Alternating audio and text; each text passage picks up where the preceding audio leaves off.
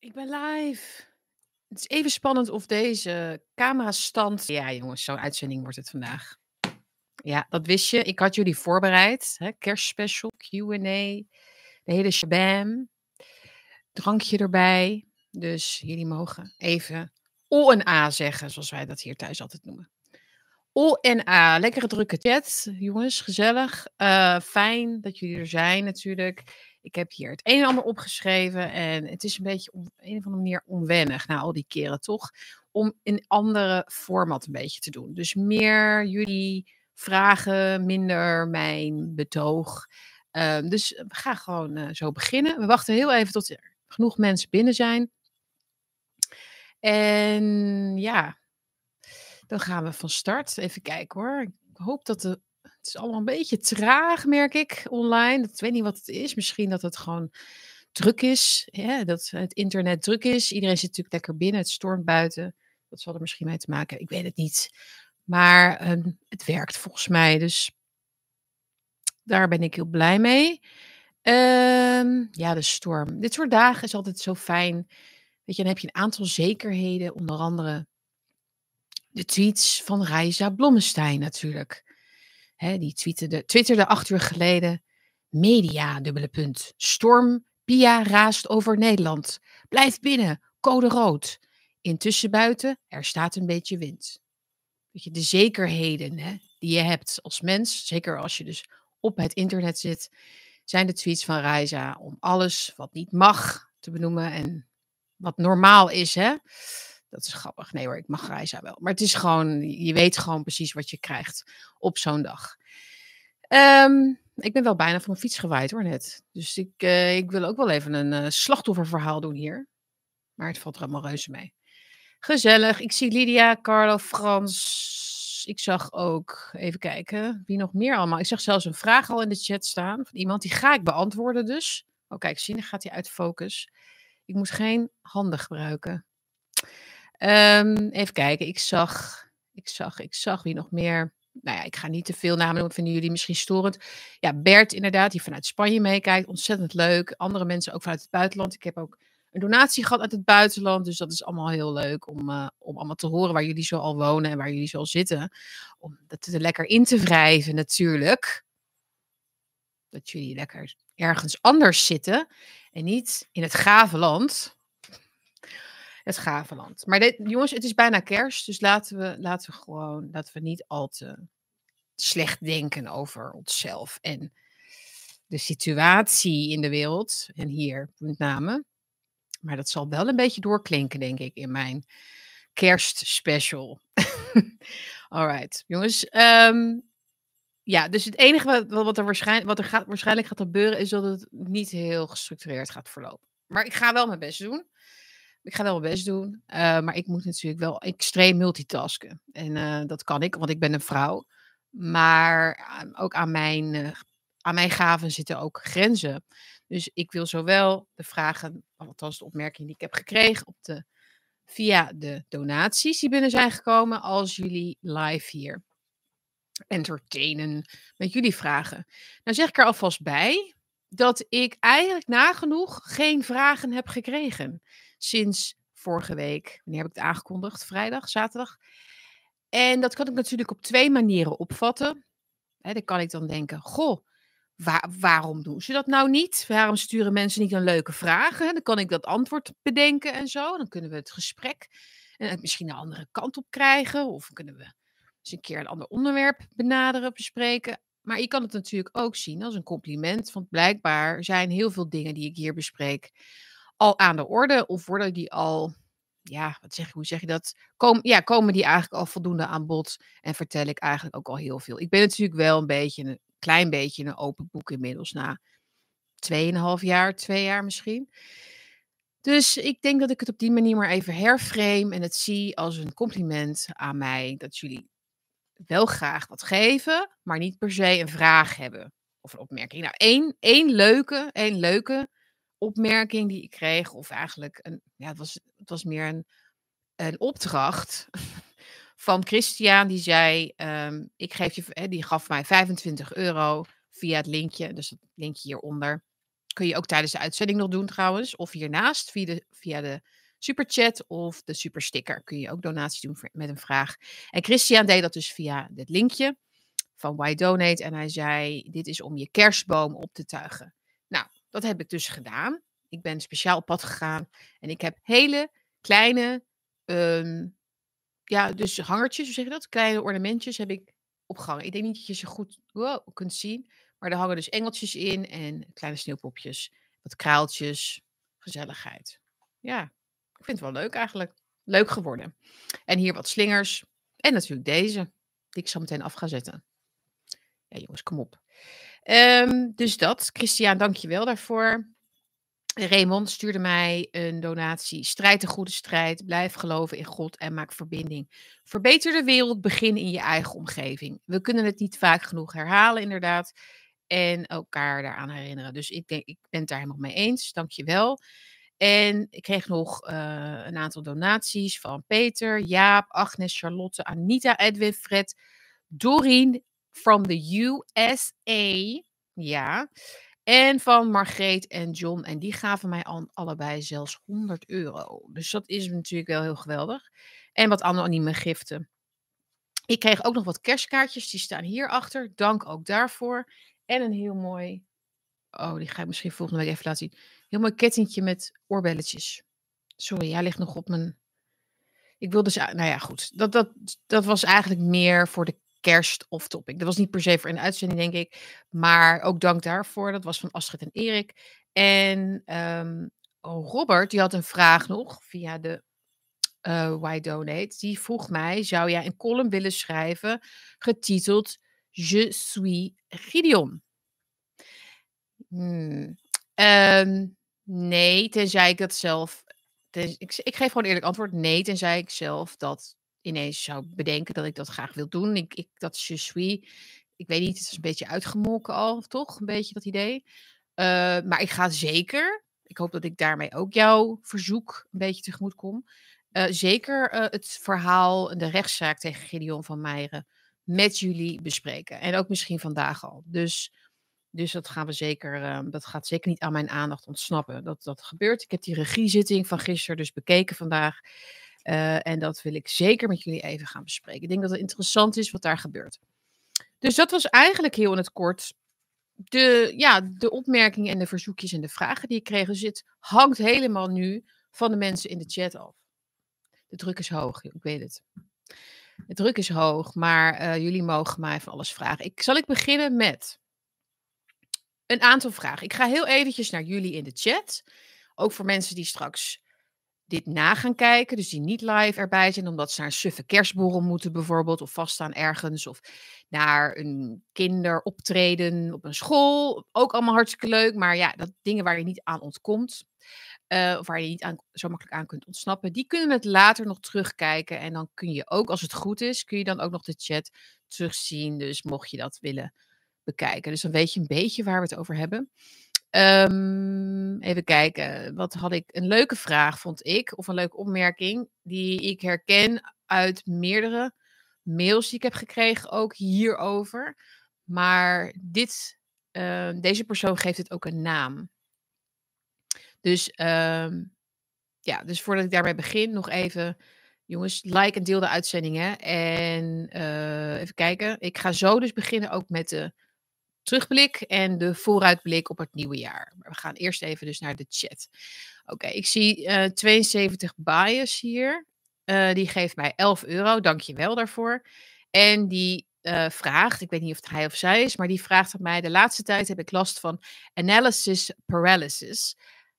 Volgens mij spreek ik het goed uit. Door de stroom van informatie die op ons afkomt. Is het een bekend fenomeen bij jou en anderen? Het is zoveel dat ik me totaal afsluit, lijkt het. Hele goede vraag, vind ik. Uh, en hier, kan ik, hier praat ik graag over, want het is de, de werkelijkheid aan de ene kant, maar hoe ga je ermee om, is, er natuurlijk, wat, is er natuurlijk een, een tweede. En deze term moest ik even opzoeken. Gelukkig had ik daar nog even tijd voor.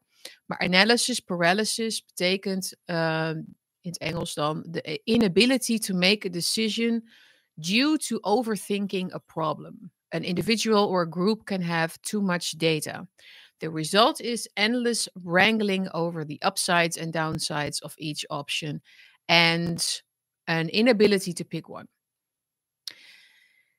The process of choosing an investment is particularly prone to analysis paralysis. It's easy to get bogged down in an analysis of many options until it becomes impossible to choose one.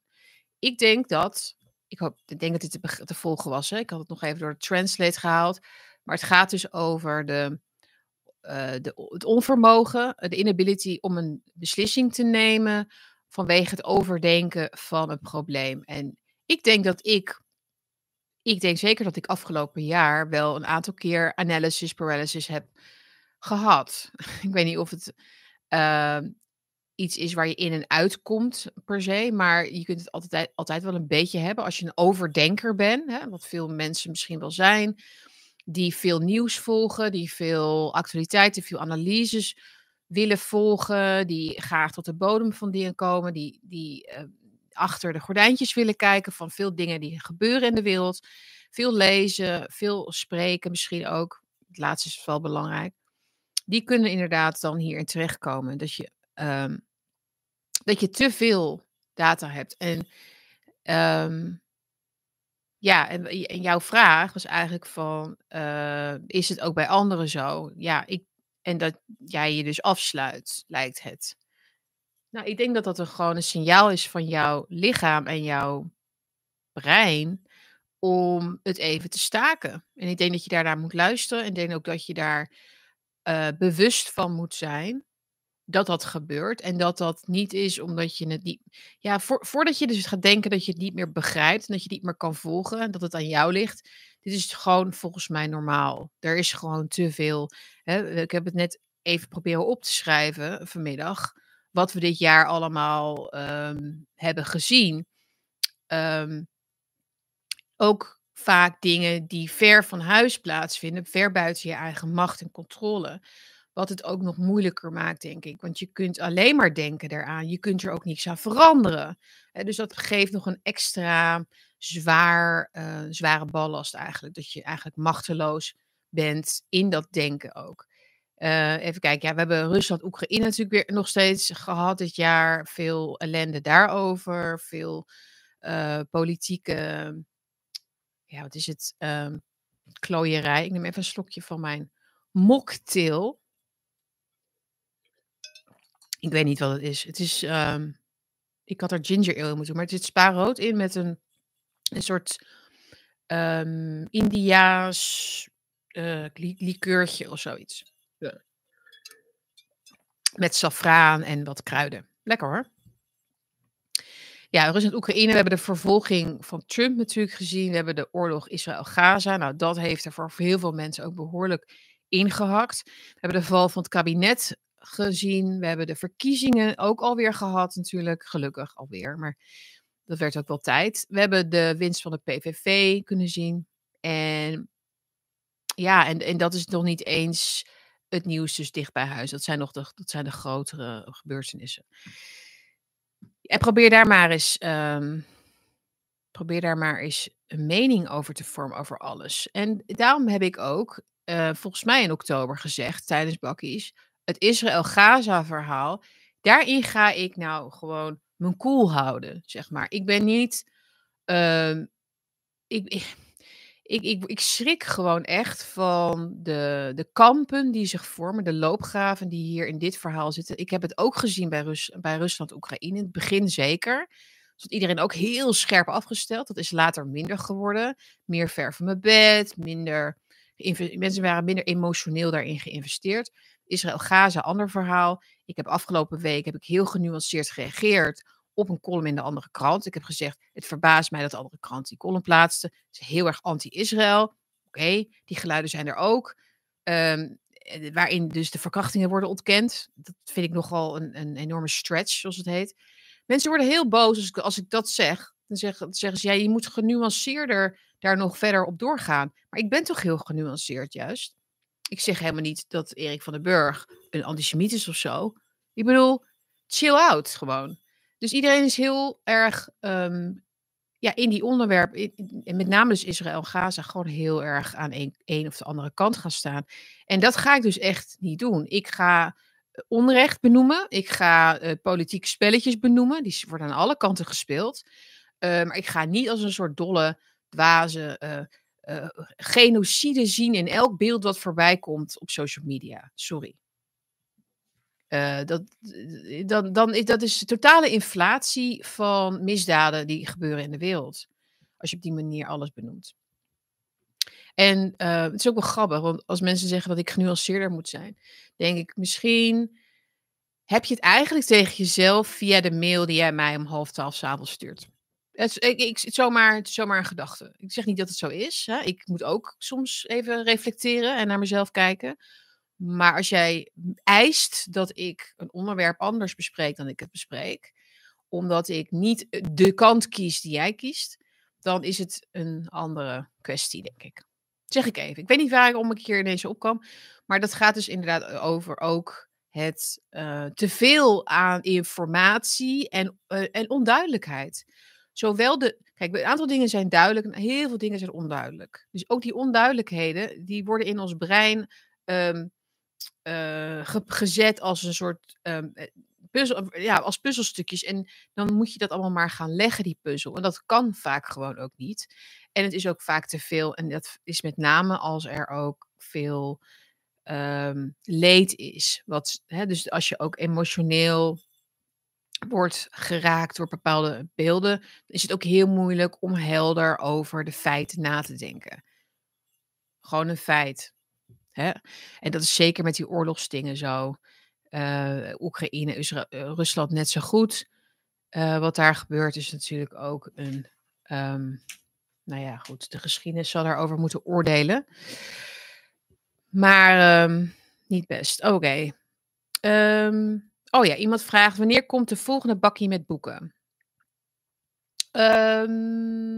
ja, die, die wordt inderdaad.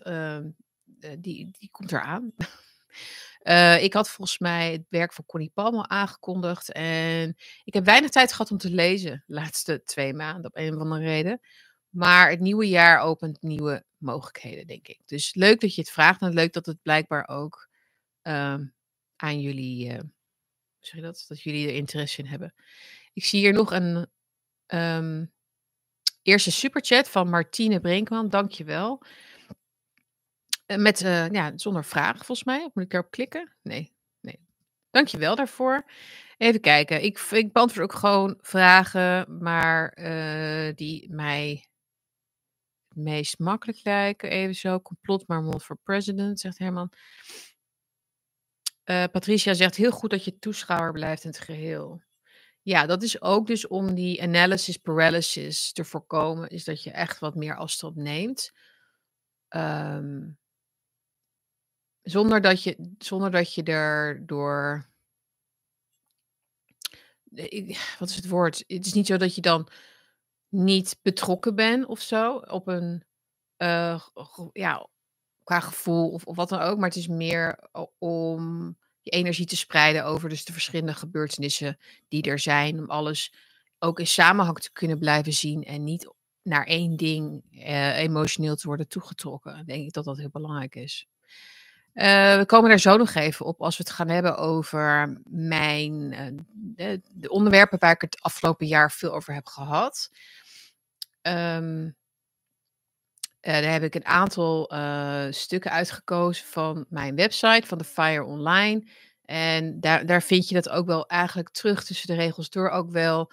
Is dat ik me heel erg heb um, verbaasd, maar ook heel erg heb, heb geïnteresseerd. Hè? Dus um, werkelijk heb geïnteresseerd voor de omgangsvormen eigenlijk tussen het establishment en de andersdenkenden. Of eh, met establishment bedoel ik dus gewoon de communicatie van de politici, maar ook de instituten, de universiteiten, de sociaal-cultureel planbureaus, de NCTV's, de AIVD's, de rechtbanken, en et cetera. Dat heeft enorm veel aandacht voor mij gehad afgelopen jaar omdat er natuurlijk verkiezingen waren, er was een val van het kabinet. Maar er was ook een soort wappie of corona-evaluatie sorry, het gaat hier weer.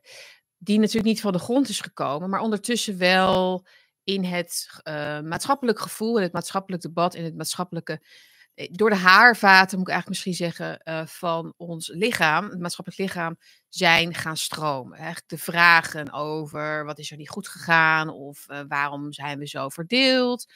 Dus daar heb ik heel veel, denk ik, aandacht aan besteed afgelopen tijd. En dat wil ik eigenlijk het volgende jaar weer gaan doen. Want hier zit een heel belangrijk thema. Het blijft een belangrijk thema, denk ik.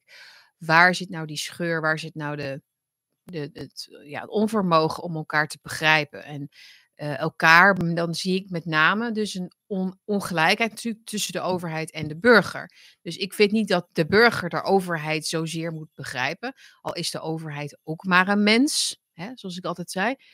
Um, haha, daar gaan we het zo nog even over hebben met Guido van Meijerens rechtszaak. Geweld tegen de overheid. Overheid is ook maar een mens die ongelijkwaardigheid, die komt maar ook niet goed in tot uitdrukking. De overheid stelt zich uh, op, dat heb ik dit jaar echt goed gezien, als een gelijkwaardige partij naast de burger. De gekwetste overheid, de overheid die graag wil verbinden, de overheid die wil vertrouwen op de burger. Dat stond letterlijk ook in een rapport van de Orde van Advocaten bijvoorbeeld. Hè. Dus dat, uh, omdat dat ging over de partijprogramma's. Dat wordt een focus die heel merkwaardig is en raar. En dat moeten we denk ik blijven benoemen ongelijkwaardigheid van die verhoudingen. Ehm, dus dat vond ik een heel belangrijk aspect van het afgelopen jaar. En ik denk dat dat uh, jullie niet vreemd in de oren zal klinken. Um, ja, dat is. Um, dat, dat, dat gaan we nog de komende maanden veel zien.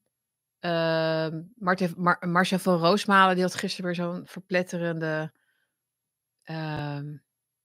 keiharde sneer was het naar de boeren, hè, die dan zoveel zouden verdienen.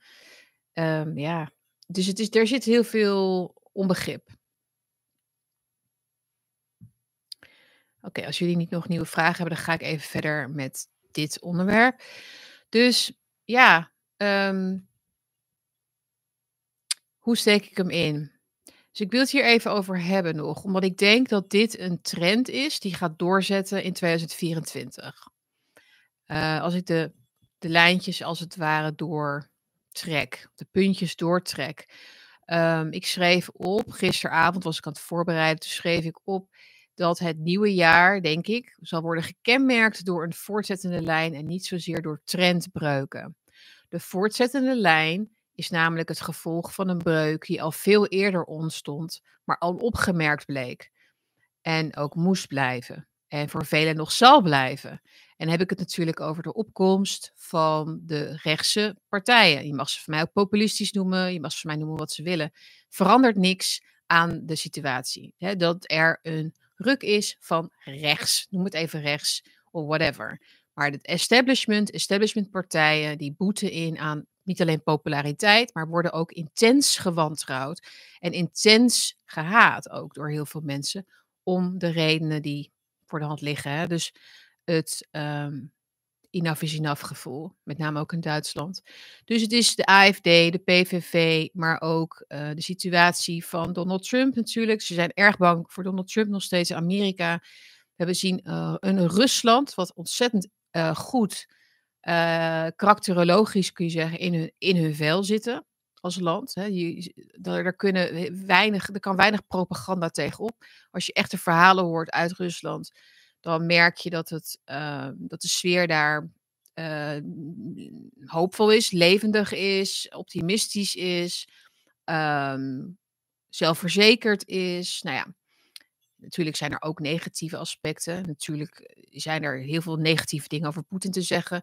Maar dit is wel de trendlijn. En die kun je dus doortrekken naar de BRICS in, zijn grotere, in het grotere plaatje. Dus de BRICS-landen die ja, een enorme vitaliteit eigenlijk uh, aan de dag leggen, zeg maar. Dus je, je merkt dat daar een enorm contrast zit tussen uh, die ontwikkeling en de, het Westen wat uh, spartelt en vecht als een gewond dier voor zijn principes en zijn idealen en zijn democratie en de rule-based order. En uh, het, is, het is een uh, werkelijke bizarre, bizar schouwspel inmiddels waar we in zitten. Gaan we nu niet helemaal over hebben, maar ik denk dus, uh, ik heb er goed over nagedacht de laatste dagen, van wat is nou wat blijft er achter in 2023 en wat gaat er naar 2024? Dan zie ik dus echt die verdere uh, ja, doorontwikkeling eigenlijk van dat wakker worden. Veel over gehad afgelopen jaar. Maar ik denk dat dat ook daadwerkelijk zichtbaar gaat worden, zoals ik laatst zei, als damp op de ruit. Het zijn niet meer verborgen stemmen. Het is niet meer een zwijgende meerderheid, of het was eerst nog een minderheid, geloof ik.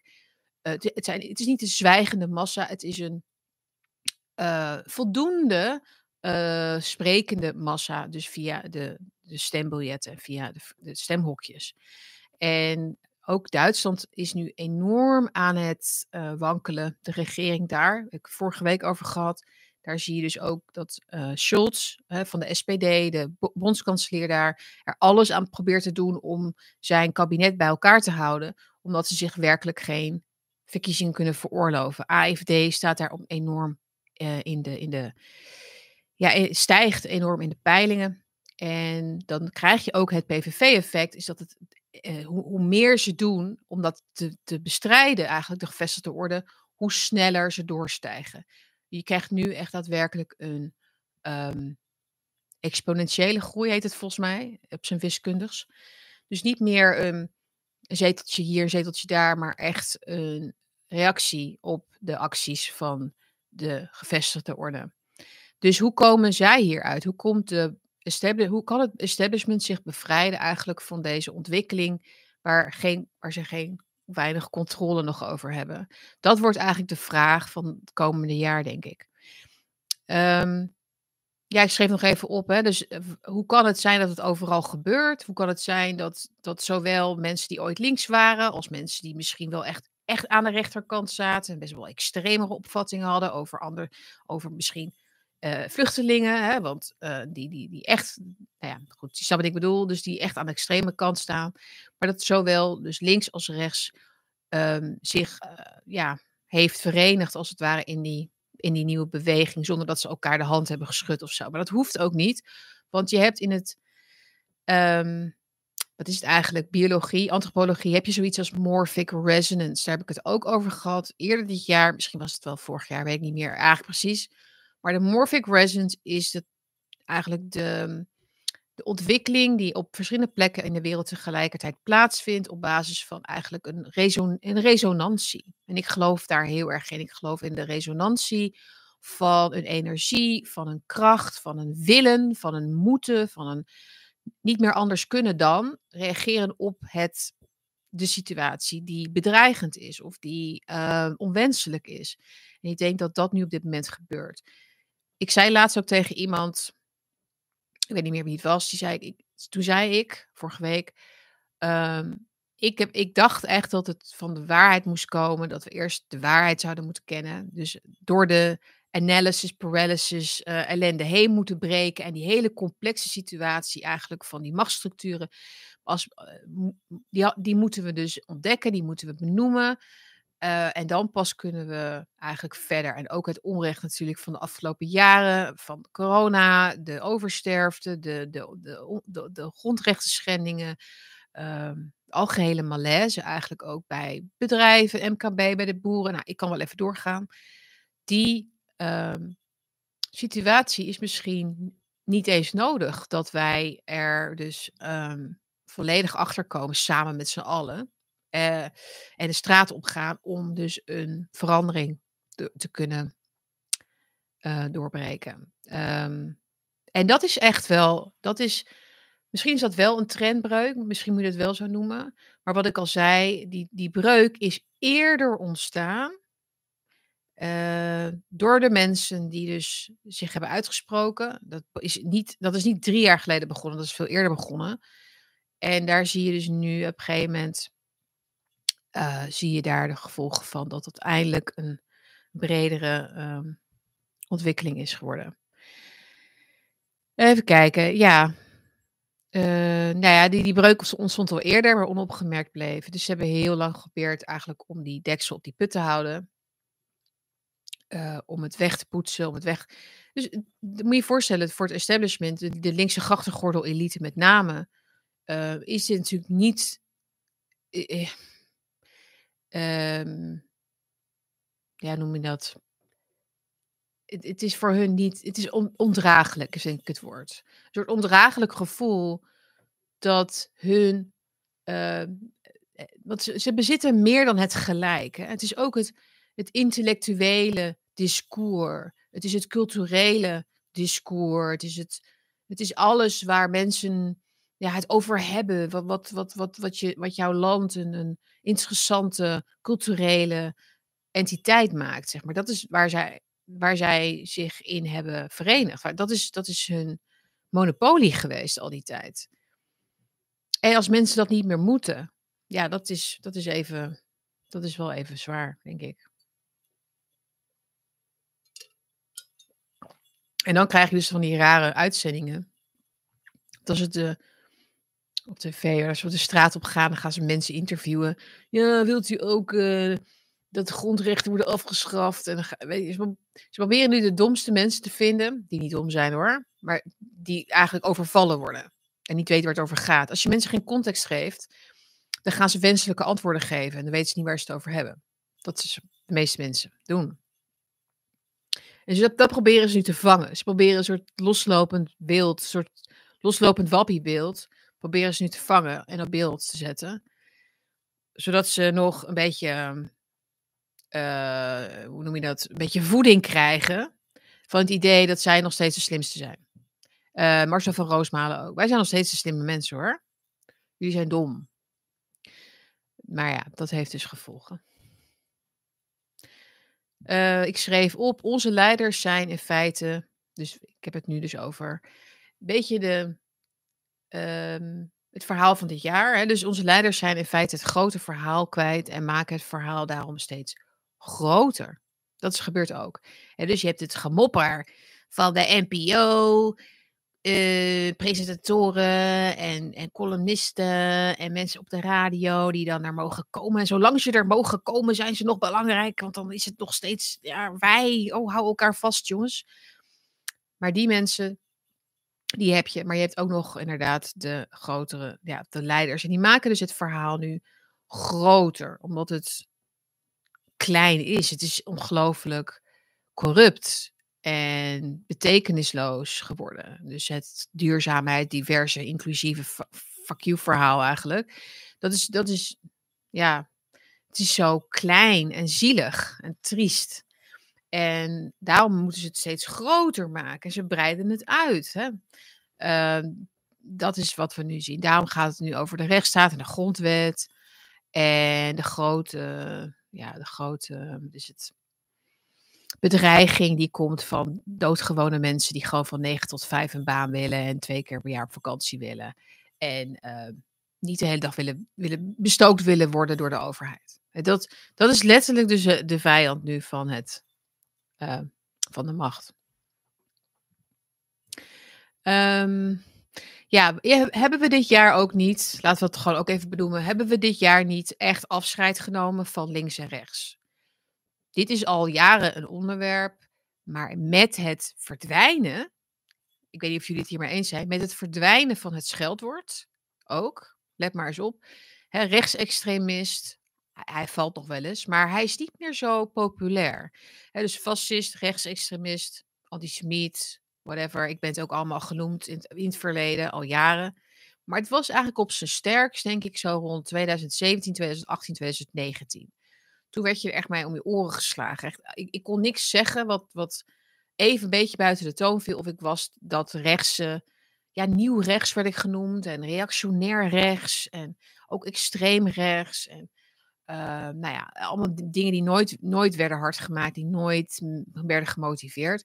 Maar dat was het stramien. Dat was eigenlijk de communicatie, zeg maar, met de andere zijde. En ik heb het al een tijdje niet meer gehoord.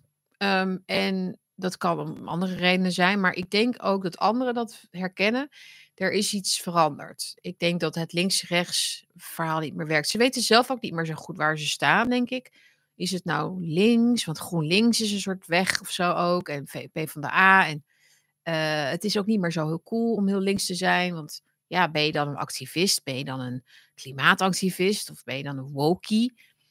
Nee, nee, maar dan ben je gewoon nog in het ja, wat ze nu een beetje proberen te kapen, zo grappig, is het gezonde verstand.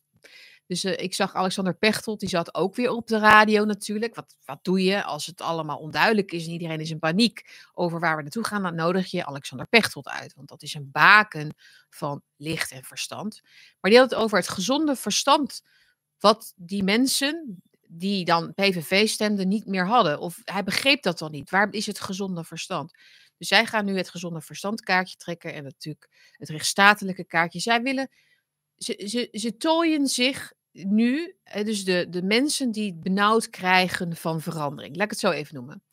Die tooien zich nu dus met allerlei uh, hele grote veren. Dus het is niet meer schelden, maar het is ook dus een, een soort ja, uh, democratie en grondrechten. En we moeten natuurlijk dit overbruggen. En wat heb jij eraan gedaan? En, uh, maar er, dit is, het is wel een uitdaging voor ze. Maar, ze. maar dat is een beetje de teneur, volgens mij, wat ik nu zie.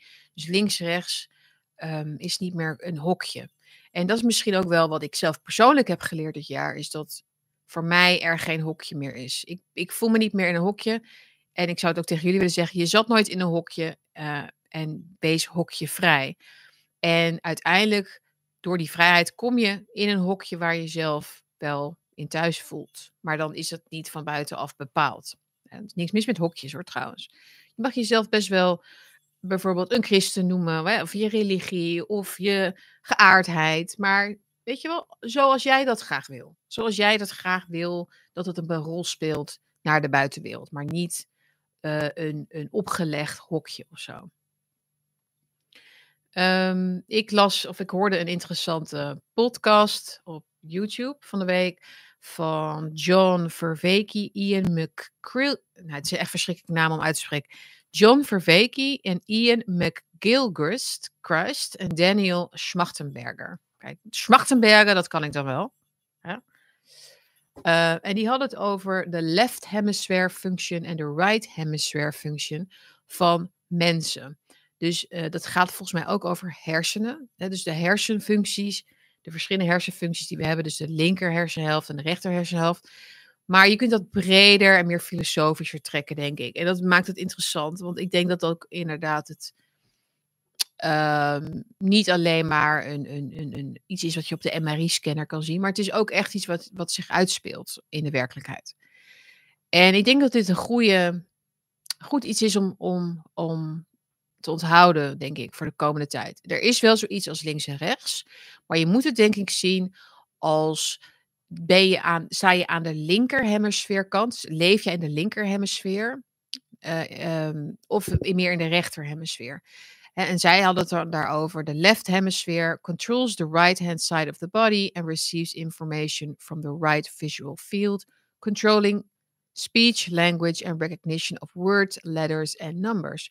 Wat grappig, want links is inderdaad overgefixeerd of zeer gefixeerd op taal.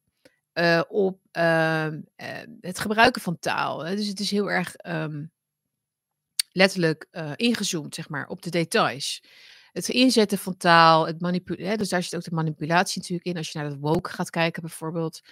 Um, terwijl de rechter hemisfeer um, controls the left hand side of the body. Maar daar gaat het dus even niet over. Maar daar gaat het dus over het controlling van creativity, context en recognition of faces, places en objects.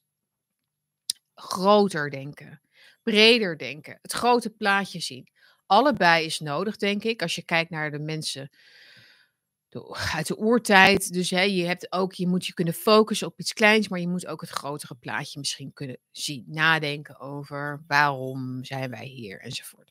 Het grappige is dat links heeft dus al die tijd toneelspel gespeeld. Al die, hoe lang is het? Sinds de Bolsjewieken of zo, of langer dat zij het grote, eh, eh, de, de, grote revolutie wilden, het grote gelijkheidsdenken, het grote, de grote verheffing enzovoort.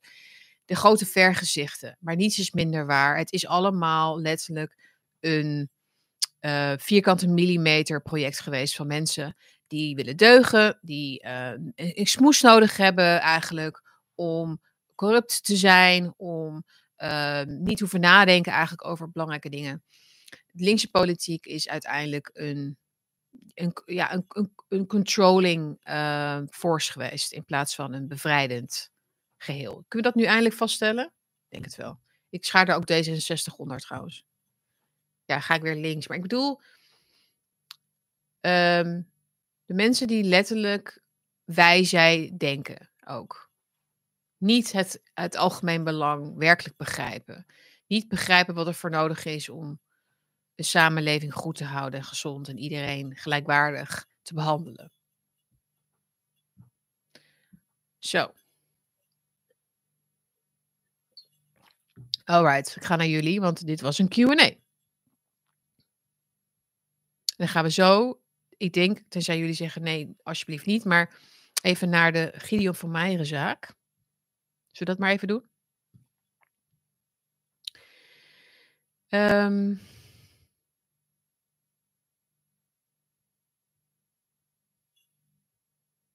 graag over Gideon. Nee, ik drink, ik drink geen wijn. Dit is een mocktail. Dus ik, ik heb nog niet, nog niet gegeten, dus ik ga zeker niet nu aan de wijn.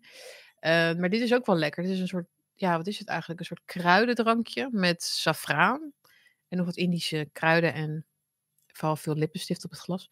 En wat spa. Dat is wel lekker. Pak ook een drankje, jongens. Drink jezelf wat moed in voor de kerstdagen. want hier, hier kun je nog zeggen wat je denkt. straks, straks aan de, de kerstdis moet je weer gedragen. Hè? Nou, ik kan, er over, ik kan sowieso over alles wel meepraten, denk ik. Maar um, heftige discussies aan de kersttafel? Bin there. Got t-shirt. En dat zou ik denk ik ook niet weer doen. Het kan zomaar beginnen en dan eindigt het. En dan is het, is zo moeilijk om weer. Zing nog eens. Nee. Zing nog eens. Even kijken. Ja, dus, um, dus een vooruitblik is eigenlijk dat we. Uh, wat we gaan zien is een verdere voortzetting van de trend. Er komt geen trendbreuk, een voortzettende lijn. De lijn wordt doorgetrokken, denk ik. Dus de verdere verrechtsing. Uh, wat, er tegen wat ze, er, ze er tegen gaan doen, dat is een tweede. Want ik ben er totaal niet gerust op dat er een, uh, op een gegeven moment een, een, een, inzicht gaat komen dat er van koers moet worden veranderd. En met name in Duitsland zie je dat bij Scholz nu ook. Um, die lijkt ook letterlijk echt onder de macht van Amerika te zitten. Oké, maar dat gaan we nu vanavond niet allemaal. Maar dat, daar ga ik het zeker nog vaker over hebben. Dus over Duitsland in de bakkies. Ik blijf dat dus uh, scherp in de gaten houden. Ik zit ook te denken trouwens om daar heen te gaan begin januari. Ik ben al een beetje aan het vragen of er mensen zijn die met mij mee kunnen. Of, nou, dan heb ik het over cameramensen. Ander goed nieuws trouwens, en waar ik jullie donaties dus zo goed voor kan gebruiken, is uh, dat ik een uh, cameraman heb gevonden die met mij wil werken. En ook uh, dus de bakjes kan opnemen op locatie. Yes. Dus uh, dat geeft mij heel veel rust en ruimte om dus dingen te doen waar ik dan verder niet, um, weet ik veel, als een, als een idioot allemaal kabels zelf moet meenemen die dan vervolgens niet passen ik, ik heb, weet je wel, het, soms gaat het goed, maar vaak ook niet. Dus ik wil dat niet meer meemaken. Ik, volgend jaar wordt het een, um, niet meer een fuck around, find out jaar, zeg maar. Dat, dat eh, ik bedoel, dat, dat voorkom je nooit helemaal. Maar de fuck around, find out wet is waar. En daar gaan we niet nog heel veel dingen, uh, dat gaan we niet nog heel vaak proberen. Oh, misschien kan ik wel dit doen. Laat ik dat gewoon spontane dingen. Ja, leuk. Maar als het niet werkt, dan heb je nog een groter probleem. Ja, op locatie bedoel ik dus interviews bij mensen. Met mensen, bij mensen. Of dus inderdaad naar Berlijn gaan bijvoorbeeld. En daar een reportage maken. Uh, ja. We, we, gaan even kijken. Ik heb nog. Uh, ik heb veel te veel, jongens, voor jullie. Allemaal.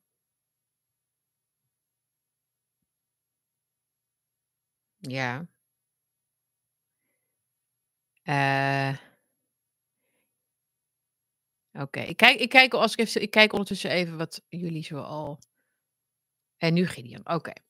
Nou, dan moet ik even een andere aantekening. Oké, nu ga ik een andere aantekening erbij nemen. Want ik had gisteren al een stuk gekeken. Ik heb het vanmiddag nog een keer, nog een keer gekeken. En de regiezitting duurde ongeveer een uur. Gisteren dus. ehm, in de rechtbank in Den Haag. Dat is dus gepubliceerd op YouTube door Forum voor Democratie. Er is een paar keer ingeknipt, maar dat was alleen maar toen er dus werd geschorst. Dus er is niet selectief geknipt en geplakt. Ik heb de indruk dat dat inderdaad een chronologische weergave was van die regiezitting. Zeg ik er alvast even bij, want er is natuurlijk een verschil tussen dat kijken, zoals Forum natuurlijk graag filmpjes maakt, hè, en, en echt kijken wat, eh, wat er dus is gebeurd. Dus dat zeg ik alvast erbij. Dat was een gewone normale strafzitting van een meervoudige kamer. En ja, even kijken. Ik moet me even concentreren hoor. Ik kan even niet. Jullie moeten even, ehm, even iets voor jezelf doen. even kijken hoor. Wat had ik nou de. Ja. Wat er gebeurde. Kijk, eh Gideon van Meijeren is, is natuurlijk gedagvaard voor opruiming. En ehm, artikel 132 Wetboek van Strafrecht. Ehm, maar ik wil het even hebben over. Kijk, dit, dit, dit- de regiezitting gaat dus niet inhoudelijk over of hij het heeft gedaan of niet. Hè, of het bewezen is of niet. Of die strafbaar is of niet. Dat zei de rechter ook. Het, eh, een regiezitting wordt ingepland op het moment dat een zaak heel complex is. Of eh, als er meerdere verdachten zijn. En voor mensen die dat niet weten, ik ben zelf ook strafadvocaat geweest. Ik heb niet heel veel strafadvocaatzaken gedaan. Ik deed ook veel familierechtszaken. Dus ik ben een paar, een paar jaar een strafadvocaat ook geweest. Maar dat was niet het enige wat ik deed. Dus ik ben niet een hele doorgewinterde strafadvocaat. Maar ik heb heel veel geleerd in die tijd. En ik was ook best wel goed, zeg ik even zelf. Eh, wat mijn opleiders eh, goed vonden, hè, want je hebt opleiding ook drie jaar lang, is dat ik eh, heel goed in staat was ook om de rechters te geven wat mijn cliënten focus. Wat mijn cliënten nodig hadden, dacht ik. Dus je moet heel erg werken voor je cliënt, maar je moet ook die rechter helpen om iets voor elkaar te krijgen. En ik herkende in deze zitting met Gideon van mij, deze regiezitting, eh, voelde ik de neiging de hele tijd als eh, buitenstaander, dus ik zat ernaar te kijken, om die rechter te helpen om datgene te doen waar Gideon van Meijeren als verdachte belang bij heeft. Of waar hij op dat moment dus om vroeg. Dus het was echt best wel frustrerend om naar te kijken, omdat ik denk dat dat beter had gekund. Ik denk dat eh Gideon van Meijer een advocaat toch beter advocaat had kunnen hebben daarbij. Eh, maar ik snap ook heel goed dat hij dat niet heeft gedaan. Hij is natuurlijk zelf jurist en ik denk dat hij ehm, zelf ook een bepaalde eer of een bepaalde, ja, er, erin heeft, of in stopt om, om, om dat zelf, om zijn- zelf zijn verdediging te voeren. Dat heeft misschien ook meer impact op de omgeving, op het publiek, op de samenleving, als je zelf je strafzaak verdedigt. Maar het is wel zwaar en het is ook eh, een enorm risico, omdat je dus dingen laat liggen eh, die je misschien van tevoren wel had bedacht, van dit is juist, maar dan gebeurt er iets ter zitting en dan weet je niet, zo, weet je niet 1, 2, 3 hoe je dat kunt eh, beïnvloeden. Dus dat is het risico wat je dan loopt. Dus dat verbaasde mij ten eerste dat hij geen advocaat had. Eh, ik weet dus niet waarom, maar ja, dat is een keuze geweest. En ik zal ook even uitleggen van wat er dus concreet dus niet goed ging daardoor. En dat vond ik erg jammer. Ehm, hij, hij wordt vervolgd voor opruiming. Dus die regiezitting, dan is het de bedoeling dat je als officier uitlegt eigenlijk waarom je de vervolging bent gestart. Even kort een sumier. Eh, het is inderdaad niet inhoudelijk, maar je kunt niet, je moet wel even weten ongeveer waar het over gaat. Dus heel veel mensen reageerden op X van, eh, en, en Gideon van Meijeren ook zelf trouwens, van de officier was veel te inhoudelijk. Hij ging eh, allerlei uitspraken van hem eh, voorlezen. eh, meer, meer uitspraken, zei Gideon, dan die in de dagvaarding stonden. Er zat al een beetje een, een mening of een oordeel aan vast, had Gideon het ook over. Ehm, en ehm, ja, had het, het bijvoorbeeld over dat ehm, het schuur, schurende opmerkingen en zo had hij dan over. Wat, hè, dus als een soort ja, een oordeel dus over die uitspraken al. Schurende opmerkingen zijn wel mogelijk, maar hate speech niet en zo. Dat, is, dat gaat eigenlijk al iets verder dan alleen maar dit is de dagvaarding en wanneer gaan we het hier inhoudelijk over hebben. Dus dat vond ik inderdaad een heel, um, ja, hij, die officier die ging daarmee denk ik net op het randje of net eroverheen. Maar ik vond het niet heel, um, zeg je dat, echt um, uh, een, reden bijvoorbeeld om, om uh, zo'n zo zaak niet ontvankelijk te verklaren of zoiets. Het was wel binnen de, de kaders nog, denk ik, van de bedoeling van zo'n zitting. Maar het is, heel, het is heel dubbel, want ik denk inderdaad dat dat ook een functie had. Ik denk dat die officier, dat OM, ook graag tijdens die regiezitting al een beetje hun macht, hun, hun invloed, hun uh, positie duidelijk en kenbaar wilde maken. Zij stonden daar met het dilemma kun je een politicus wel vervolgen om zijn mening? Ja, wij vinden van wel. Dus we hebben heel, het is heel delicaat, maar ja, we hebben het toch maar gedaan. Dus dat, dit, heeft wel degelijk de functie eigenlijk van het um, kracht bijzetten eigenlijk van je vervolgingsbeslissing. Blijkbaar stonden ze er nog niet zo heel zeker in. Dat is eigenlijk wat ik bedoel. Dat idee had ik een beetje. Um, dus dat. Dus, dus dat viel op.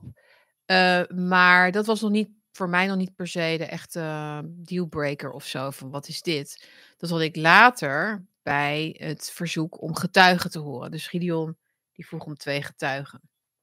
Maar daar kom ik zo. zo. Laten we heel even bij de officier van justitie blijven. Die heeft het dus over opruiing hè, als strafbaar feit, het aanzetten tot strafbaar gedrag. En de officier zei: belangrijk daarbij is bij de inhoudelijke behandeling straks dat we te weten komen wat de strekking was van die uitlatingen, wat de context was van die uitlatingen, want die uitlatingen die staan niet op zichzelf. Dit is even belangrijk om te onthouden. Hè? Dus dat heeft hij gezegd. Dat is ook ongeveer hoe je in het algemeen over het strafbare feit opruiming spreekt. Opruiming is niet uh, onder de douche uh, schreeuwen naar, nou, weet ik veel, dus naar, op straat naar iemand schreeuwen van um, uh, ga, ga, ga iemand in elkaar slaan. Weet je, dat, dan is iemand misschien gek of onder invloed. Of... Dus de context is belangrijk. Zegt iemand het vaker?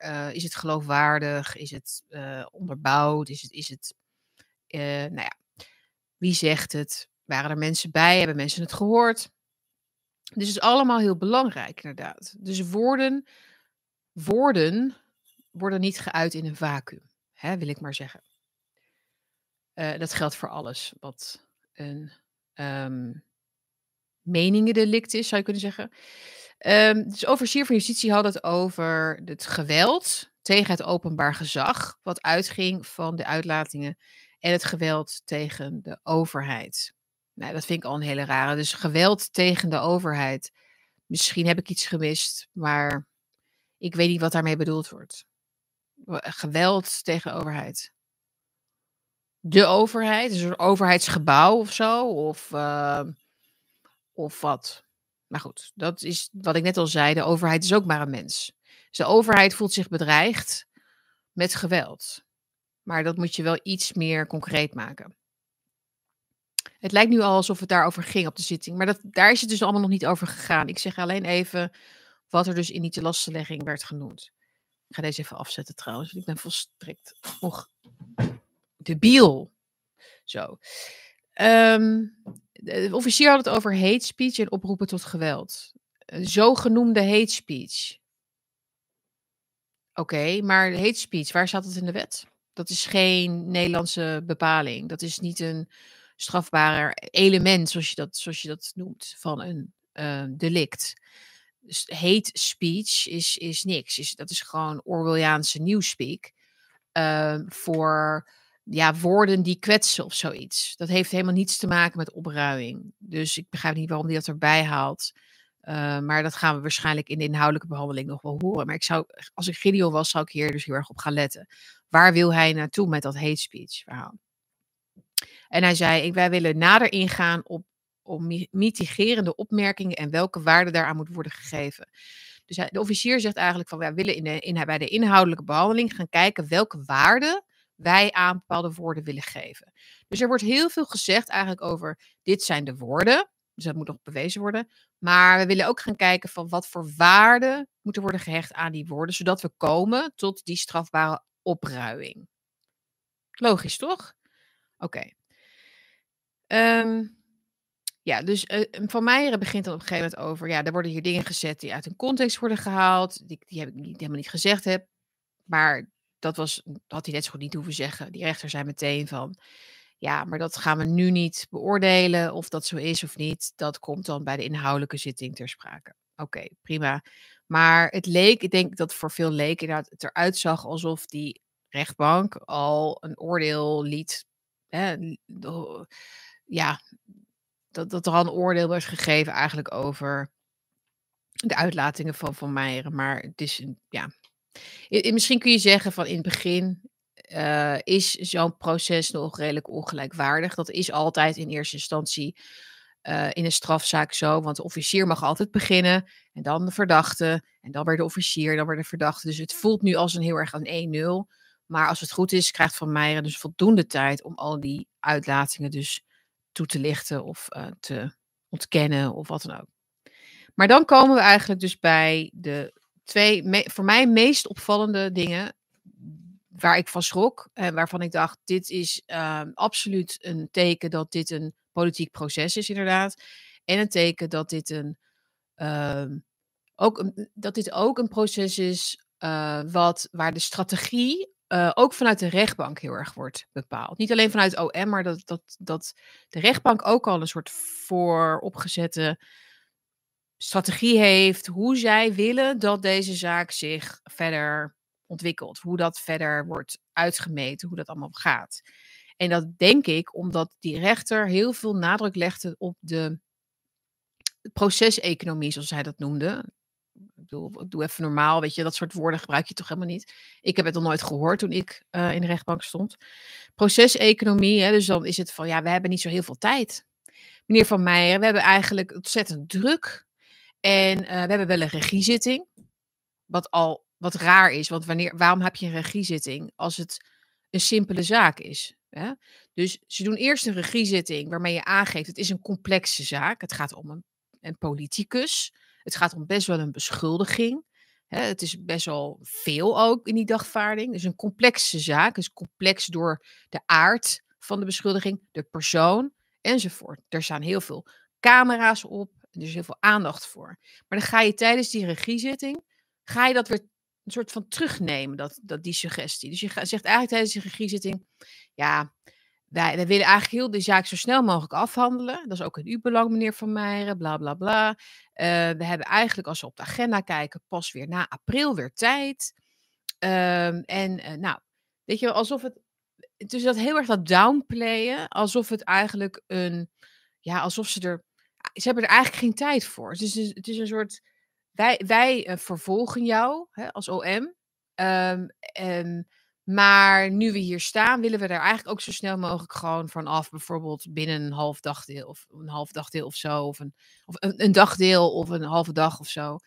Um, want ja, uh, dat kunnen ze niet motiveren. Maar dat merkte ik wel heel erg. Dat die rechters, um, nou, of die ene voorzitter in ieder geval, er heel duidelijk punt van wilde maken dat we, niet, um, dat we hier niet twee dagen over gaan doen. Ik weet niet of jullie dat ook hebben meegekregen. Wat, wat heel vreemd is, want um, dat is heel gebruikelijk na een regiezitting. Dus dat je, dat je een zaak één of twee dagen laat duren. En zeker als er nog geen um, getuigen zijn of uh, die kunnen er nog bij komen. Je weet helemaal niet hoe, hoe, ja, hoe groot het onderzoek nog wordt. Maar hier leek het al duidelijk van, ja, kunnen jullie elkaar niet gewoon een leuke brief schrijven? Was eigenlijk het idee. Als jullie elkaar nou over en weer schriftelijk uitleggen wat jullie van de zaak vinden, dan, maken wij, dan doen wij even twee uurtjes een beetje heen en weer. Jij aan de beurt en jij aan de beurt en dan is het klaar. Weet je waar dit over gaat? Dit gaat over het managen van het, het, het, managen van de ophef dus hoe minder uh, Gideon van mij aan het woord is, hoe minder uh, hij de controle houdt eigenlijk, of, of de, de, de, de regie houdt over wat er gebeurt, hoe voordeliger dat is voor het OM. Dus zij willen het laatste woord in feite hebben. Dus dat, dat is volgens mij wat hier aan de hand is. Dus het heel erg managen eigenlijk van de situatie. Voorkomen dat het uit de hand loopt. Dat het een showproces wordt. Dat Van Meijeren daar dus een, een stevig verhaal gaat houden over de, de, de aard en de strekking inderdaad. En de context en de redenen waarom hij het nodig vond om uh, op te roepen tot verzet. Uh, de achterliggende redenen daarvoor de staat waarin het land verkeert enzovoort. Ik denk dat ze dat absoluut hebben willen voorkomen. En dat zag je dus duidelijk tijdens de regiezitting door zo enorm te focussen op de tijd. We hebben geen tijd. Het is eigenlijk heel vreemd. Maar het aller, aller, aller opmerkelijkst vond ik dus het afwijzen van de getuigenverzoeken. Dus Gideon van Meijeren vroeg om twee getuigen Matthias de Smet en Andreas Kinneging. Ik was heel benieuwd. Ik wist dat niet van tevoren.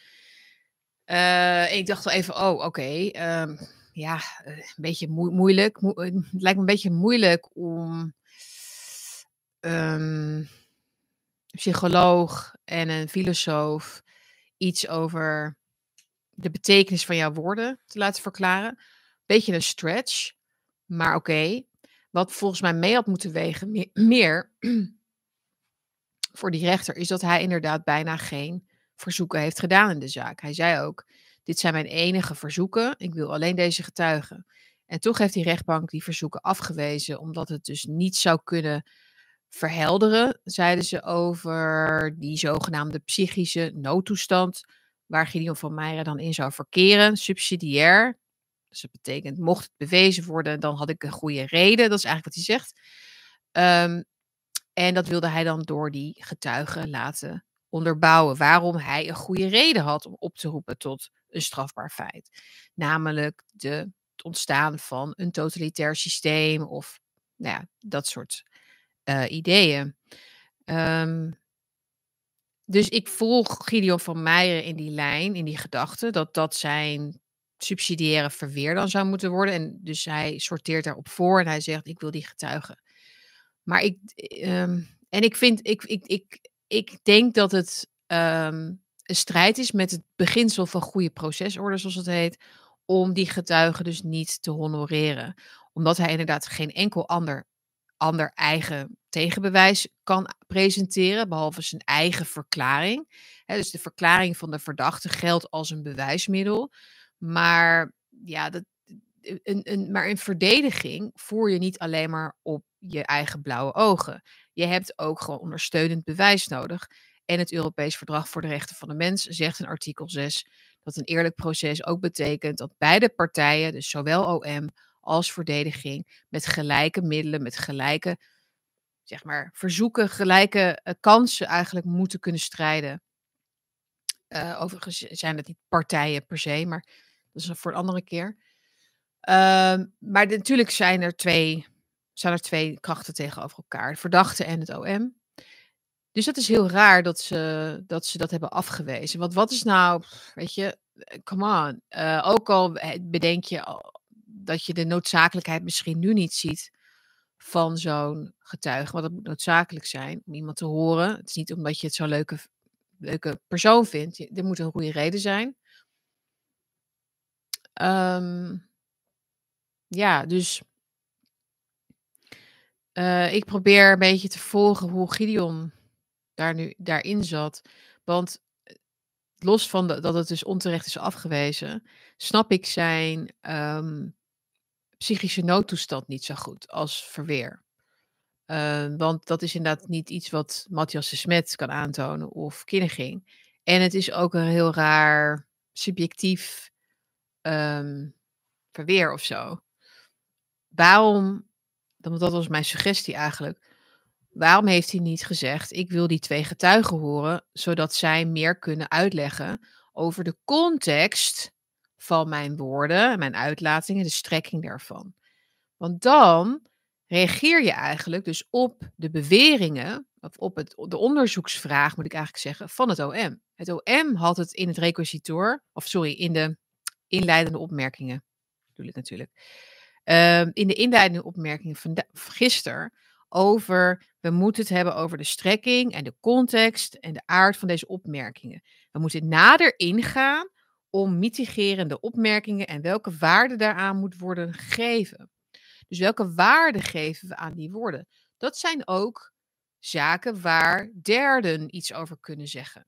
Welke waarde moet ik geven als psycholoog, Matthias de Smet? Welke waarde moet ik geven als rechtsfilosoof, Andreas Kinniging, aan deze woorden in de context van een maatschappij die leidt onder een verandering van, laat ik het maar even noemen, politieke, van een politiek systeem waarin meer controle is op burgers, waarin grondrechten misschien worden vertrappeld, waarin, waarin allerlei veranderingen gebeuren die voor een groot deel van de samenleving worden gezien als een vorm van onderdrukking, dictatuur of wat dan ook. Hè. Dus dan, dan heb je een context waarin die woorden begrijpelijker worden.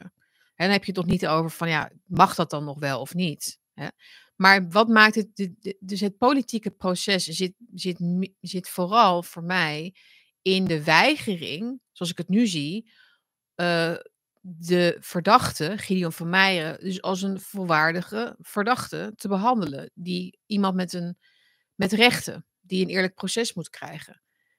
En dat werd ook nog eens bevestigd doordat die rechter, die voorzitter, het had over en e, of het een eerlijk proces is. Dat beoordelen wij pas tegen het einde van een proces, van het einde van een zaak. Dat vond ik een hele rare opmerking. Want ook al is dat er, dat is formalistisch wel zo, maar je, je hebt toch een preliminair verweer in eerste instantie, dus tijdens de regiezitting, waarin je zegt, uh, als ik mijn onderzoeksvragen of mijn onderzoeksverzoeken niet uh, ingewilligd zie, dan is er strijd met eerlijk proces. Dan ben je als rechter verplicht om daar op voorhand al over na te denken, of dat zo is. Toch? Je gaat niet zeggen, nou daar hoef ik nu niet over na te denken, want als dat zo is, dan hoort u dat wel aan het einde. Nee, want dan is het al te laat. Dus dat vond ik ook een heel opvallende uh, woordenkeus. Wij, wij, gaan dat pas later beslissen. Weet niet of jullie dat ook hebben gezien. Uh, ja, wat had ik nog verder daarover gezegd?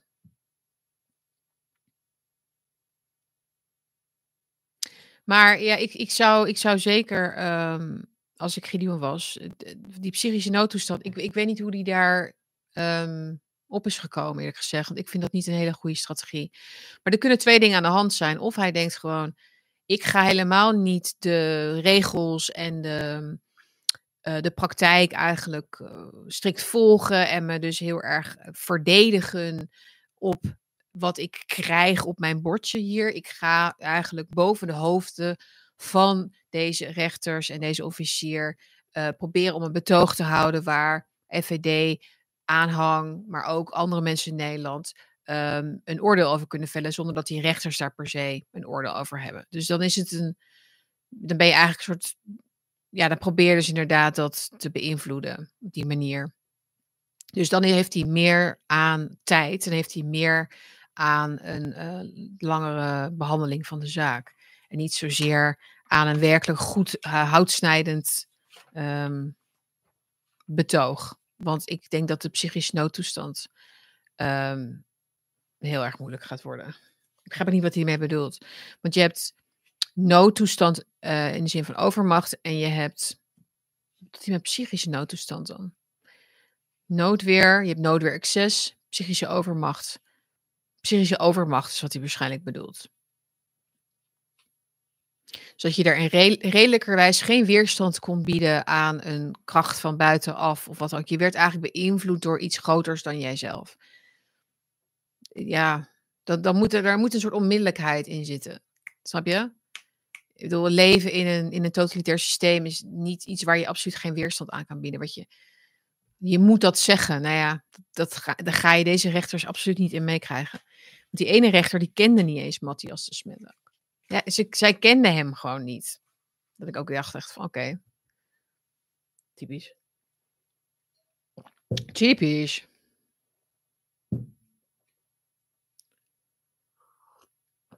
Iemand zegt: Het is interessant, de rechters zijn ook gedwongen om een uitspraak te doen. Ik denk dat ze mild zullen zijn. Dat denk ik ook. Ja, dat denk ik ook. Ik denk dat de rechterlijke macht. eh, wanneer heb ik dat nou? Dat zag ik ook een beetje bij Jeroen Pols. Heel aardig, heel toegankelijk, heel erg. Oh, we willen het allemaal heel graag. Dat het allemaal goed afloopt voor iedereen. Dat iedereen het duidelijk vindt. En wij willen eh, dat u voldoende aan het woord komt. En u heeft natuurlijk. Hier heeft u nog een kopje koffie. En het is, het is heel. eh, Dat hele aardige en ook dat amabele, zeg maar. En dan komt er een lichtere straf. En eh, dus het, ik krijg er een beetje de death by a thousand cuts gevoel bij. Ik weet niet of jullie die uitdrukking kennen. Maar in, het, in een systeem zitten waarin je eigenlijk dus nergens door een soort, ah, weet je, dat je nergens de tanden ziet van de macht of nergens zeg maar de, de onredelijkheid heel erg hoort. Maar het, het, is meer de, wat is het? ehm, eh, de minachting of zo, daar, wat daaruit spreekt. Een beetje, ja, we zitten hier, laten we maar gewoon snel naar huis gaan. Twee dagen zittingstijd, meneer Van Meijeren. Dacht, dit stelt toch allemaal niet zoveel voor. Maakt u zich nou werkelijk druk over een paar woorden? We gaan gewoon de zaak afwikkelen en we gaan u gewoon veroordelen voor opruiing. En dan is het klaar. We hoeven er toch niet heel veel gewicht aan te hangen verder. Snap je? Dus dat, is, dat zit er ook een beetje in. Het is heel groot. Het is gewoon een politicus vervolgen dat signaal afgeven naar de samenleving en het vervolgens heel klein maken. Weet je wel? Dat, dat zit mij heel erg dwars.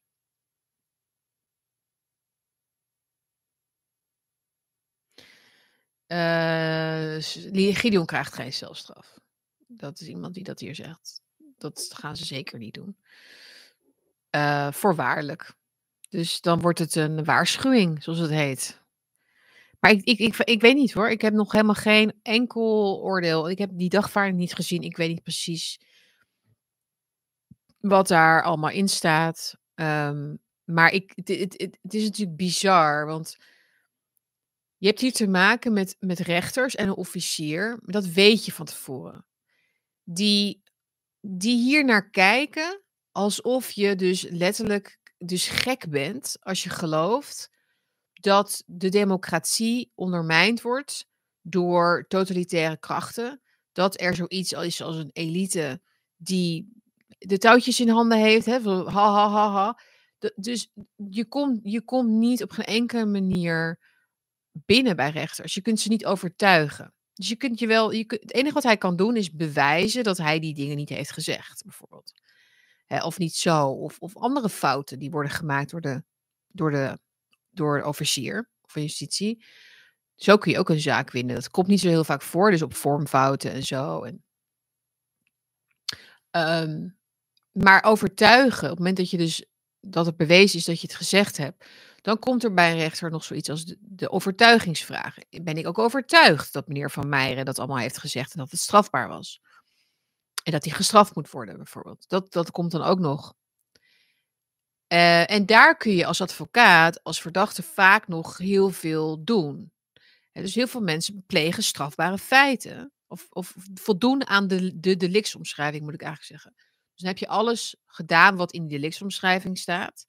Je hebt de fiets opgetild, je hebt hem meegenomen, je hebt hem in je eigen gang gezet, je hebt de deur dicht gedaan. Diefstal. Dat zou je kunnen zeggen. Word je, word je dus vervolgd voor diefstal. Maar op de zitting blijkt dat je die fiets hebt opgetild, mee hebt genomen, in je gang hebt gezet, hebt gezet omdat die bijvoorbeeld van je broer was of van je zus was. En je wilde die fiets even neerzetten voordat hij naar de fietsenmaker ging. Ik zeg maar wat.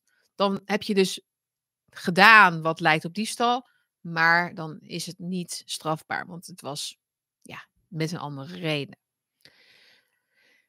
Dat zou in dit geval eh, alleen kunnen als deze rechters een gevoel zouden hebben voor wat er speelt in het land. Maar ook dan krijg je het derde probleem, dus het bewijsprobleem, overtuiging, derde probleem. Maakt dat zijn zaak niet juist dan zwakker? Want als het waar is dat hij dat deed omdat er een hele grote dreiging in de lucht hangt, dan is het inderdaad zo dat hij dus door dat hij dus inderdaad bedoelde dat er geweld moet worden gebruikt. Begrijp je wat ik bedoel? Hij kan beter het afzwakken. Hij kan beter zeggen: wat ik bedoel met het totalitair systeem, bedoel ik metaforisch. Dat is, ik bedoel, ehm, ik bedoelde hè, dat het het systeem is waar je met vreedzaam verzet tegen moet optreden. Niet dat je de wapens moet oppakken tegen een totalitair monster of zo. Ik weet het niet. Maar dan kun je heel erg maar spelen in ieder geval. Dat, dat, dat, denk ik, dat kan hij nog zeker ook nog doen.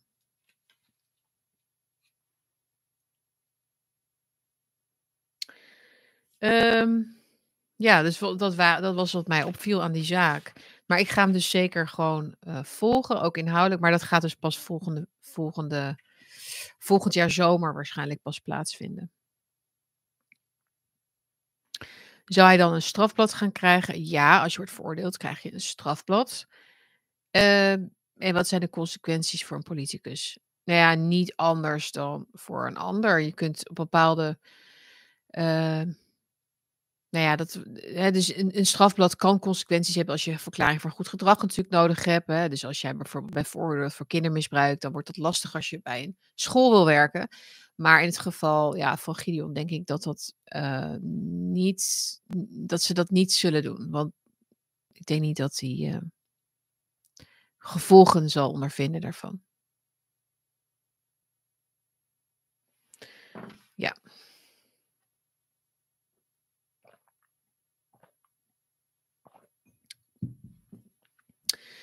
Um, ik zit even te kijken wat jullie nog zeggen. Nee, maar jongens, ja, er komt echt geen zelfstraf. Ik zie hier uh, vergelijking met Assange en zo. Dit, wat dit veel meer is dan um, het straffen van Gideon van Meijeren, is het signaal afgeven naar de samenlevingen dat woorden ertoe doen. Dit is gewoon de lijn, dit is de beleids. Ja, wat is het? Het beleid van het Openbaar Ministerie al, al jaren. Dus dat is wat er met Sylvana toen gebeurde met die zaak. En iedereen die haar iets had lelijks had genoemd, die werd voor de rechter gesleept. En woorden doen ertoe. En er zijn zelfs um, hoofdofficieren die zich uh, buiten de publiek of buiten de, de rechtszaal hebben uitgesproken daarover. En rechters ook. En de rechterlijke macht zelf. Uh, over de, hè, dus de, toon in, het, in de samenleving. Dus zij zien een missie om de boel natuurlijk binnen hè, uh, te sussen. Om, om te, ervoor te zorgen dat mensen niet meer zo makkelijk in dat soort taal komen te spreken. Hè, over die overheid natuurlijk. Die kwetsbare, zielige overheid. Dit is ook wel waarom het zo belangrijk is om dus inderdaad vreedzaam verzet te voeren sowieso. Het, is, het, heeft geen enkele zin om daar dus een... een uh... en, en dat, dat, is een beetje het manco misschien ook van FVD geweest. Dus dat ze vaak de filosofische, de filosofische discussie over bepaalde thema's uh, op de, de bühne van, van, het, van het strijdtoneel uh, trekken. Dus ik denk dat Gideon van mij het meer bedoelde als er is in de geschiedenis, is er, zijn er momenten geweest. Dus om mensen daarover te laten nadenken van waar ligt die grens voor mij en zo. Dus ik denk niet dat het in de oproep, oproepende sfeer was, maar wel uh, dus te veel een beetje filosofische kwestie. En dat moeten ze denk ik een beetje mee oppassen, want dat komt totaal niet over natuurlijk bij een OM.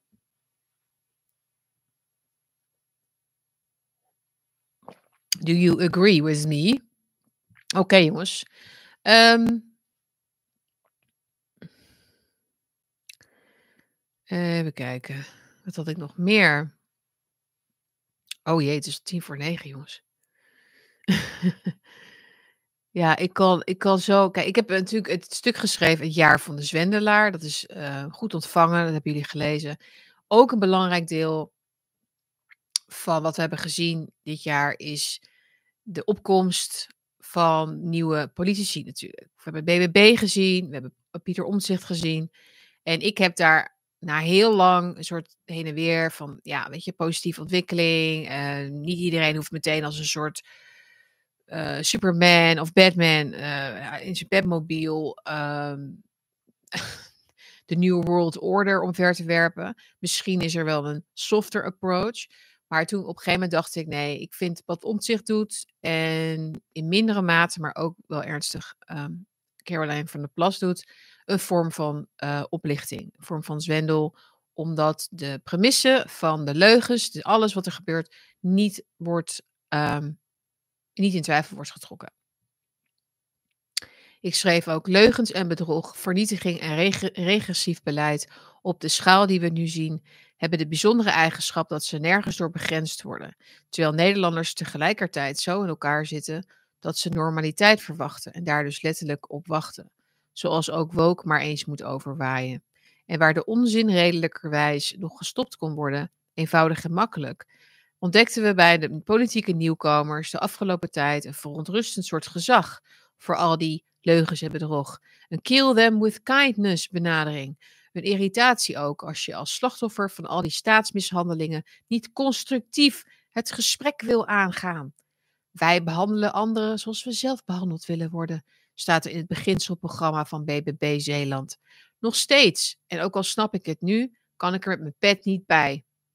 Veel mensen zeggen de macht is gewoon te sterk, ze laat daar niemand tussen. Maar de conclusie is ook dat er geen politieke wil is om het roer van het schip over te nemen. Zelfs niet als het electoraat zich aandient. Zelfs niet als het met één been in het torentje staat. Ergens daar op de drempel van een keuze.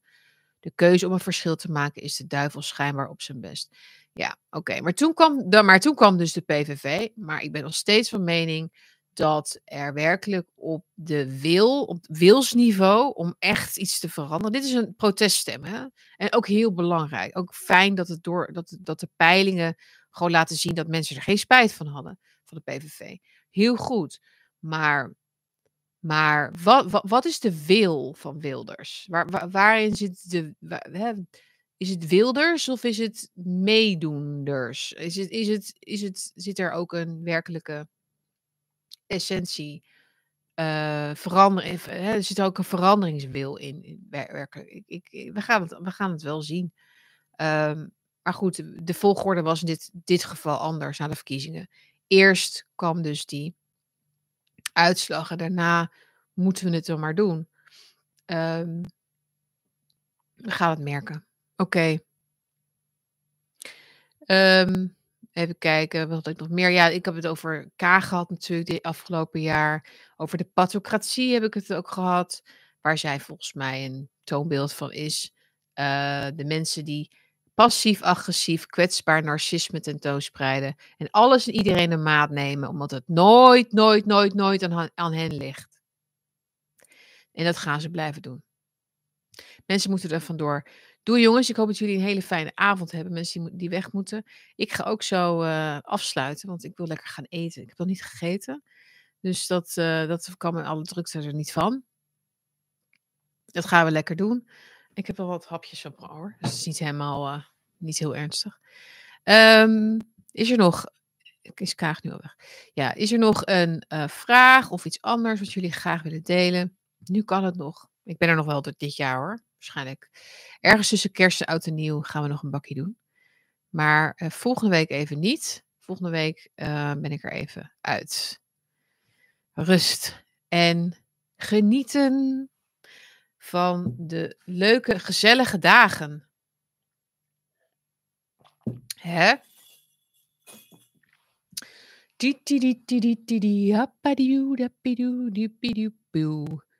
Zit het ook in je hoofd? Nou, bij mij wel, want alles wat je aanzet, je wordt meteen verdoofd. Jingle bells, jingle bells. Oh ja, oh, dat erge nummer van Mariah Carey. Dat kwam uit, als we het even over Mariah Carey hebben, dat, dat lied kwam uit in 1992, volgens mij, uit mijn hoofd. En toen was het een hit. En toen was het, jaar daarop natuurlijk nog steeds een leuk lied. En het jaar erop. En we zijn nu dus 30 jaar verder. En het is nog steeds de hele tijd on the radio. Het is sowieso. We zijn voortdurend zitten in zo'n Truman Show, weet je wel. In zo'n Groundhog Day of zo. Wordt er geen nieuwe muziek meer gemaakt? Blijkbaar niet. Grappig toch? Nou, niet van dat kaliber. Want kijk, ik, ik kan objectief zien dat dat een goed nummer is of zo. als je, als je ervan houdt ook, is het leuk. Maar, maar. Nee, dat is uh, eens, eens geweest en daarna niet meer, blijkbaar. Boodschappen doen. Ik denk dat je als je boodschappen wil doen, kun je dat nu nog doen. Um, even kijken. Wat jullie nog verder zeggen. Dankjewel, Original Dutch Girl, voor deze van 10 euro. Ja, jongens, ik vond het uh, al met al weer een, uh, bijzonder, bijzonder jaar. Hè? En ik ga er met een goed gevoel uit. Ik ben um, content, laat ik het zo zeggen. Ik ben cooler, merk ik. Ik zit er cooler in. Ik ben relaxter dan vorig jaar. Um, ik woon ook in een ander huis. Ik vind het hier chill. Ik vind, ik vind het fijn om in, om in het gooi te wonen. De HEMA van het gooi, weliswaar. Um, ja, iets minder geïsoleerd. Um, ja, dat doet iets met je, denk ik. ja, dus dat is voor mij allemaal goed geweest, denk ik. En, en wat, ik, wat ik heel leuk vind, is dat ik nu uh, meer uh, echte hulp krijg bij mijn website dus en ook bij deze podcast. Um, en dat is fijn. Ik vind het heel moeilijk om hulp te krijgen hoor, om hulp te vragen ook, omdat het meer werk geeft in het begin. Maar op een gegeven moment dan worden er dingen uit handen genomen. En ik wil ook jullie dus even bedanken. Hè? Dus de vaste kijkers, de mensen die af en toe, of eenmalig of wat dan ook, of een kaartje sturen met een tientje. Of weet je, al, al, die, al die kleine eh, giften en gebaren en uh, blijk van, van um, medeleven en aanmoediging en al, al die, die berichten die ik krijg. Dat, dat is ontzettend fijn en dat helpt mij ook om door te gaan. Dus als ik dat nog niet genoeg heb gezegd dit jaar, dan wil ik dat bij deze nog even heel erg duidelijk maken. Dat dat absoluut de reden is waarom ik dit blijf doen. dus jullie steun, um, op wat voor manier dan ook, uh, helpt mij om verder te denken. En de site wordt um, nog mooier volgend jaar. En ik hoop meer auteurs aan te trekken. En dus ook echt een verschil te maken met andere alternatieve kanalen. Um, ja, dus niet te zwaar. Inderdaad, niet dat jullie de analysis paralysis krijgen als jullie mijn uh, artikelen lezen. Dat we meer lifestyle gaan doen, ook meer interviews, uh, verschillende geluiden misschien ook. Maar wel met als basis, als kern, met als eigenschap dat het um, recht naar de kern gaat. Dat we niet eromheen draaien. Dat we echt zoeken naar waar we in zitten. En, en hoe, wat voor woorden we daaraan kunnen geven. Um, ja, dus ook mooie dingen. Dus ook die er gebeuren, ook benoemen. Uh, veranderingen enzovoort. En dat blijft mij motiveren om, uh, om dat te maken. Nou ja, wat voor lifestyle dan? Ja, dat moet, toch, uh, dat moet toch ontstaan een beetje. Ik had dus deze week een artikel over de schijf van vijf. Dat gaat over eten, dat gaat over vlees eten. Dat gaat over, is dat goed of niet goed? Weet je, dus dat is even een klein is dat lifestyle. Maar dat, dat is al een begin eigenlijk van een nieuw, uh, dus nieuw thema wat ik vaker wil gaan bespreken. Maar misschien ook over relaties tussen mensen of uh, jullie mogen ook suggesties uh, doorsturen. Er zijn natuurlijk heel veel andere dingen dan politiek in de wereld, mensen. En heel veel andere dingen dan het nieuws. Dus ik denk dat dat heel veel raakvlakken heeft, ook met het dagelijks leven namelijk. En met ons welzijn. En ik weet dat daar heel veel aandacht ook is, inmiddels ook, in de alternatievere gemeenschap. Ik zie bijna elke dag mensen in een ijsbad zitten en Wim Hof en spiritualiteit. En, en dat vind ik hartstikke leuk. Uh, maar ik heb zo mijn eigen kijk weer daarop. En ik denk dat dat ook belangrijk is. Iets nuchterder misschien, iets minder, um, ja, esoterisch of zo. Iets meer gefundeerder in het oude, wat we al hadden, wat goed was. Uh, maar het is de kunst natuurlijk om dat naar voren te brengen. Dus dat is wat ik doe. Nog iets zeggen over de WHO. Volgend jaar, oké? Okay? Uh, moet ik even induiken. De Who was een principent. Ja, jongens. Uh, ik hoop, gaan jullie nog iets leuks doen met deze dagen. Wat is het, wat is het dan voor, wat is het allemaal voor, voor regen, jongens, ook? Het is toch niet normaal? Dit is toch niet normaal, jongens? Dit weer. Ik vind het niet normaal. Ja.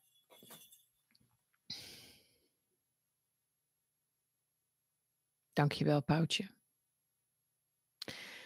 Um, Maar bedankt voor die term nog even, als ik het nog niet had gezegd. Uh, paralysis anal analysis paralysis. Nice. Sneeuw. Doe, doe, doe. Even kijken. Nu kun je het nog vragen, jongens. Nee hoor. Mag ook later. Ik denk dat ik hem ga afsluiten. Er is zoveel te zeggen over dit jaar. En uh, ik denk dat de focus eh, is nu, zoals elk jaar rond deze tijd, is even bezinnen, even weer tot rust komen en het nieuwe jaar fris in. Dat is denk ik het belangrijkste. Wat voor boek heb je voor het laatst gelezen? Leuk. Uh, ik ben nu toevallig bezig. Nou ja, dus nog niet uit. Het, la het, laatste boek wat ik heb gelezen is van, een beetje een guilty pleasure, is de biografie, autobiografie van Matthew Perry. En die had ik zo uit. Dat is best wel leuk hoor. Van Friends, weet je wel. En die is natuurlijk overleden dit jaar. En uh, die had een biografie gemaakt over zijn turbulente leven en zijn turbulente omgang met zijn verslavingen. En het is best wel grappig geschreven ook. Uh, ja, zoals je hem ook kent van zijn rol natuurlijk. Maar ja, vond ik wel leuk. Was even gewoon tussendoor. En ik, uh, ik heb nu ook een boek van die Gabor Maté of zo. Dat is die. Ik weet niet, ik ben daar net versie begonnen. Maar jongens, dat is wel ook een meneer. Um, ik weet niet of ik er fan van ben, maar hij, het gaat over trauma. Het gaat over hoe, uh, uh, hoe dat zich vastzet in je lichaam en zo. Nou goed, het heeft op mij niet per se meteen betrekking, maar het is gewoon denk ik wel belangrijk om meer te leren over de relatie tussen lichaam en geest. Ik denk zeker, dat ik heb zeker gemerkt, ik ieder mens dat weet, dat die connectie begint bij, uh, dat die connectie nodig is hè, om, uh, om gezond te zijn. Maar hij had het ook over hoe mensen die bijvoorbeeld people pleasers zijn, uh, vaak snel ernstig ziek worden. Omdat het zo belangrijk is dat je voor jezelf zorgt. En dat je niet alleen maar voor anderen zorgt.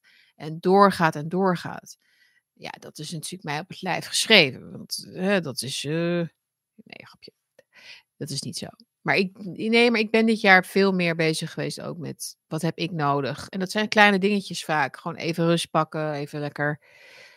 Gewoon. Dat is uh, voor iedereen heel belangrijk, denk ik. Dus dat, daar was, dat ben ik aan het lezen. Wat nog meer?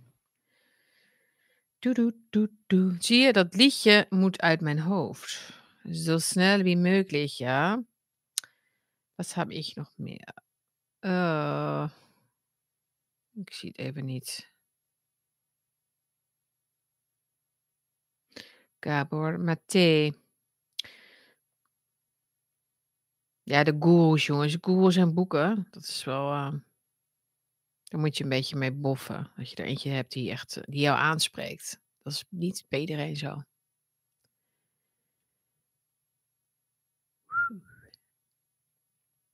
Oké, ik ben een beetje leeg, merk ik. Ik, uh, ik heb jullie volgens mij een beetje een indruk gegeven van hoe ik terugkijk op het afgelopen jaar.